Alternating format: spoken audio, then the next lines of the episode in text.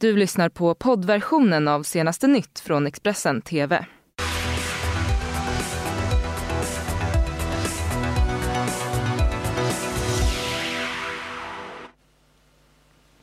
God morgon och välkommen till senaste nytt. Karin Bülow heter jag och det här är våra rubriker. Brott misstänks i samband med flygkraschen i Ronneby igår. Polisjakt slutade i krock i centrala Malmö i natt. Och IS tar på sig terrordådet i London. En eh, polisjakt i hög hastighet i Malmö i natt slutade i en krock mellan tre bilar. Polisen följde efter en bil genom stan som vägrat stanna vid en kontroll. Den misstänkta föraren tappade till slut kontrollen över bilen och krockade med en annan personbil och en polisbil. Sydsvenskan skriver att fyra personer då försökte springa från platsen men stoppades och kunde gripas. Ingen person skadades allvarligt. Igår så störtade ju ett flygplan ner i en villaträdgård i Ronneby och fattade eld. Polis, pilotens liv gick inte att rädda och människor i bygden är skärrade av det som hänt och samtidigt så misstänker polisen brott i samband med haveriet. Jag blir ju förskräckt liksom alla andra. Det kunde ju blivit en katastrof. Under lördagen störtade ett mindre enmotorigt propellerplan och kraschade i en villaträdgård i Ronneby. Piloten, som var ensam i planet när det havererade, omkom i kraschen. Jag var ute och bytte däck på en bil så hörde jag flygplanet komma på väldigt låg höjd och tittade upp och tänkte liksom katten vad det flyger lågt. Så no normalt sett brukar de flyga här över men inte på den låga höjden.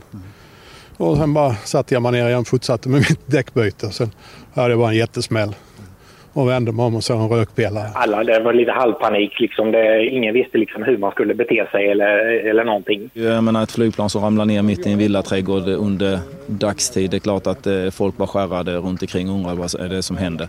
Så att eh, både vi och ambulansen fick ta hand om en del personer som hade sett och varit i närheten av det här.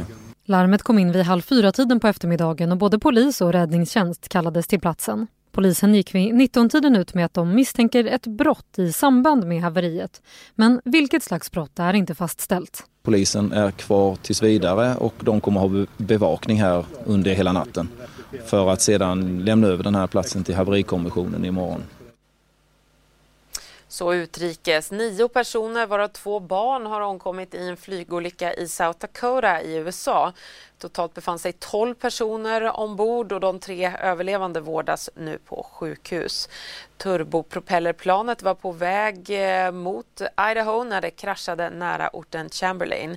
Orsaken till olyckan är i nuläget oklar men enligt amerikanska medier så rådde en stormvarning i området och vädret beskrivs som hårt. IS har tagit på sig terrordådet i London. Via sin nyhetskanal Amak uppger terrororganisationen att Usman Khan var en av dess medlemmar. Bland de privatpersoner som hjälpte till att övermanna Usman Khan på London Bridge och som nu hyllas som hjältar i Storbritannien fanns flera ex-kriminella som precis kommit ut ur fängelset eller som var villkorligt frigivna, det rapporterar Sky News. De hade deltagit i samma konferens för återrehabilitering i samhället för tidigare fångar som Usman Khan själv. I would also like to thank members of the public who risked their own safety this afternoon. They are the best of us.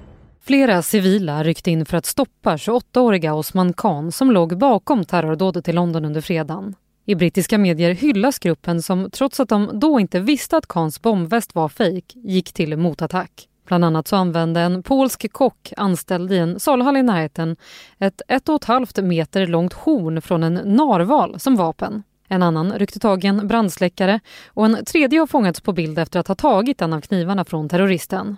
Och bland de modiga som riskerade sina liv för att skydda andra finns två turistguider och en dömd mördare.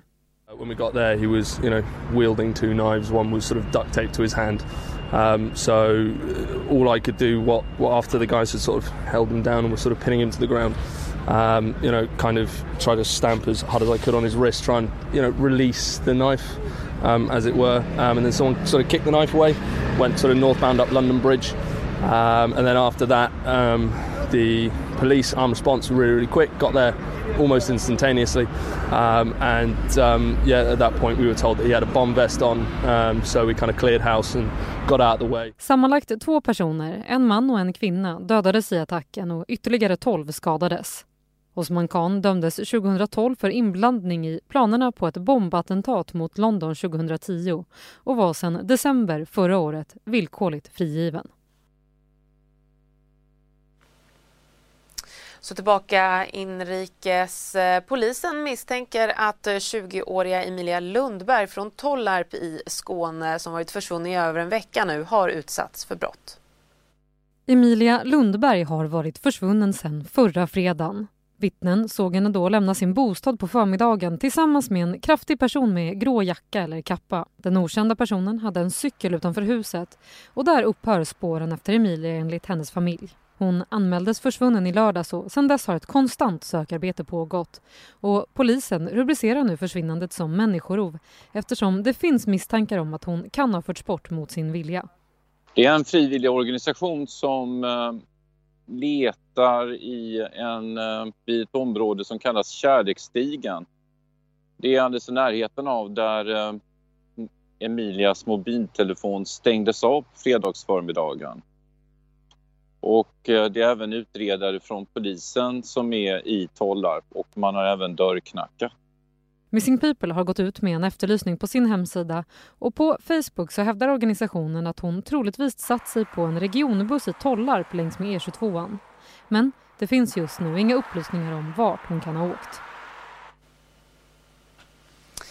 Det blir eh, ingen Nobelfest för Sverigedemokraternas partiledare Jimmy Åkesson i år heller. Nobelstiftelsen har återigen valt att inte bjuda några representanter för SD med hänvisning till partiets rötter i högerextremism och att citat företrädarnas agerande i nuet visar på en bristande respekt för den grundläggande principen om alla människors att alla människor är lika värda och deras rättigheter oavsett hudfärg, härkomst eller religion." Slut citat. Internationell organiserad brottslighet lurar svenskar på miljontals kronor via appar som Tinder varje månad, det rapporterar Sydsvenskan. Fram till eh, i oktober i år hade 774 så kallade romansbedrägerier polisanmälts i Sverige. Enligt tidningen så står kvinnor för 77 procent av anmälningarna och de blir i genomsnitt lurade på hisnande 410 000 kronor vardera. Och gärningsmännen arbetar ofta på vad polisen beskriver som callcenters i platser i utlandet där eh, bedrägerierna organiseras ifrån så kan vi konstatera att EM-lottningen är klar och Sverige hamnade i grupp E tillsammans med Polen och Spanien. Sportexpressens Noah Bachner tror att det finns goda möjligheter för Sverige att avancera. Um, jag tror på det här landslaget i den här gruppen. Jag tycker att de gjorde en väldigt bra hemmamatch mot Spanien. De gjorde en ganska dålig bortamatch mot Spanien i kvalgruppen. Eh, men de gjorde en väldigt bra hemmamatch och hade lärt sig ganska mycket av hur man möter det här spanska landslaget. Som har varit bättre, ska vi komma ihåg också. Spanien har en ganska knepig sits just nu med spelare in och ut och generationsväxling och sådär. Så att, eh, det är goda chanser att ta poäng av Spanien mot bakgrund av vad vi har sett. Det är goda chanser att ta poäng av Polen. Polen är ett landslag som, Anel sa det, det stämmer, de har gått framåt ganska mycket de senaste 10-15 åren och gått, börjat gå till mästerskap igen. Men väl där har Polen varit en besvikelse varje gång. De kommer inte till när det det. De åker alltid ut i gruppen nästan. Eh, så att de har en dålig, dåliga mästerskapserfarenheter i polkalandslaget. Sverige har inte det. Sverige går ju nästan alltid vidare från sin grupp när de kommer till mästerskap. I alla fall har vi gjort det det enda mästerskapet vi har varit med Jan Andersson än så länge. Så jag, jag tycker att det här svenska landslaget, jag tror att det är ett, ett ganska fint ögonblick just nu. Jag tror att det kommer att vara ett ännu bättre ögonblick när man kommer till slutspelet nästa sommar. Så jag ger dem goda möjligheter att gå vidare. Mm, och jag är strax tillbaka härifrån med fler nyheter. Du har lyssnat på poddversionen av senaste nytt från Expressen TV. Till förordnad ansvarig utgivare är Klas Granström. Ett poddtips från Podplay.